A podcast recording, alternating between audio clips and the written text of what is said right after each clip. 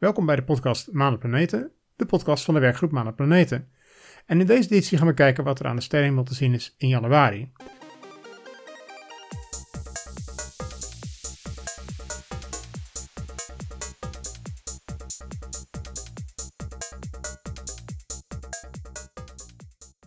Althans, de eerste dag van januari, daar ben ik net te laat voor. Eh, helaas kwam het boek Sterren en Planeten 2024, wat ik besteld had, te laat binnen. Of beter gezegd, het was wel op tijd binnen, maar de boekhandel vergat mij te vertellen dat het al klaar lag. Maar dat mag de pret niet drukken. We gaan gewoon verder waar we nu zijn in januari. En laten we eerst eens kijken naar de planeten. En Jupiter is heel goed te zien, eigenlijk de hele avond, in sterrenbeeld Ram. Saturnus gaat wel steeds vroeger onder, maar daarvoor terug krijgen we Mercurius, die ochtends kort voor zonsopkomst te zien is, laag boven de zuidoostelijke horizon. Daarvoor moet je wel echt een vrije horizon hebben of op een hoog gebouw gaan staan. Venus is ook ochtends in het zuiden te zien en die is hoger dan Mercurius. En Venus is echt veel helderder dan Mercurius, dus als je een heldere ster ziet, is het waarschijnlijk dat Venus. Mars is niet te zien en als je met een verrekijker of met een telescoop kijkt, kun je Uranus zien. Uranus staat vrij hoog aan de hemel, hoger zelfs dan Jupiter. Neptunus staat s'avonds in het zuid-zuidwesten.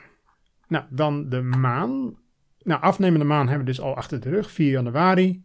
Op 11 januari krijgen we nieuwe maan. Op 18 januari wassende maan en 25 januari volle maan. Nou, wat is er allemaal met het blote oog te zien? Nou, op 8 januari is een samenstand van de maansikkel in het sterrenbeeld Schorpioen te zien. 5 graden ten westen van de maan staat Antares en linksboven de maan staat Venus. Dus een mooie samenstand.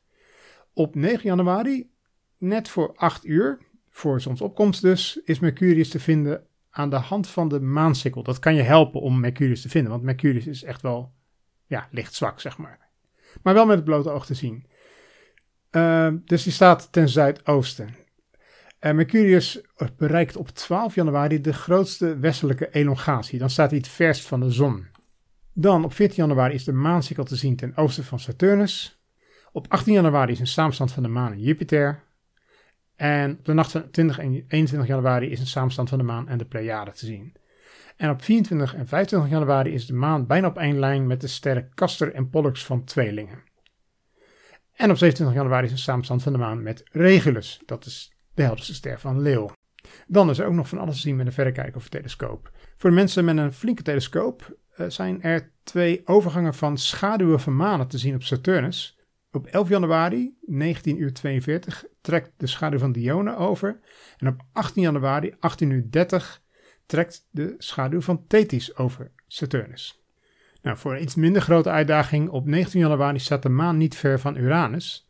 Dus de maan kan je helpen om Uranus te vinden met een verrekijker of een telescoop. Dan hebben we nog twee bedekkingen van de maan van sterren. Op 20 januari 22 uur 46 schuift de donkere maanrand voor de ster 36 Tauri. En op 22 januari 19 uur 26 schuift de donkere maanrand voor de ster 136 Tauri.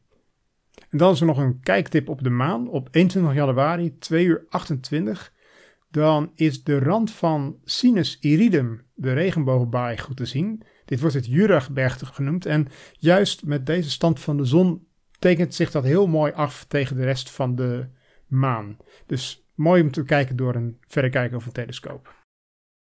Nou, door naar de manen van Jupiter. Er zijn in ieder geval een aantal mooie momenten om de familieportretten te bekijken van de vier Galileese manen. Op 12 januari staan ze ten oosten van Jupiter. Dus links in de verrekijker, rechts in de telescoop. Op 19 januari staan ze ten, ook weer ten oosten van Jupiter. En op 22 januari staan ze ten westen. En dan door naar Titan en Saturnus. Uh, Titan is op 9 januari het vers ten westen van Saturnus. Of in ieder geval ver ten westen van Saturnus. Op 16 en 17 januari ver ten oosten van Saturnus. En op 25 en 26 januari ver ten westen van Saturnus. En dan is er nog een ruimtevaarttip. Op 8 januari in de ochtend om 8 uur 18, maandag dus, lanceert de Peregrine lander, een maanlander, op de nieuwe Vulcan raket. En als je dat wil zien, kun je het beste gaan zoeken naar NASA TV.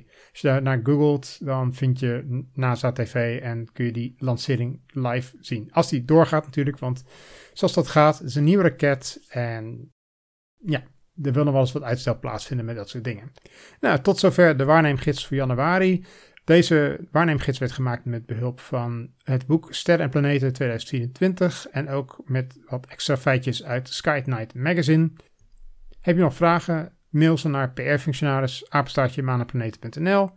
Wil je lid worden om ons te steunen? Dat kost maar 20 euro per jaar. Dan steun je onze werkgroep. Dat kun je vinden op manenplaneten.nl.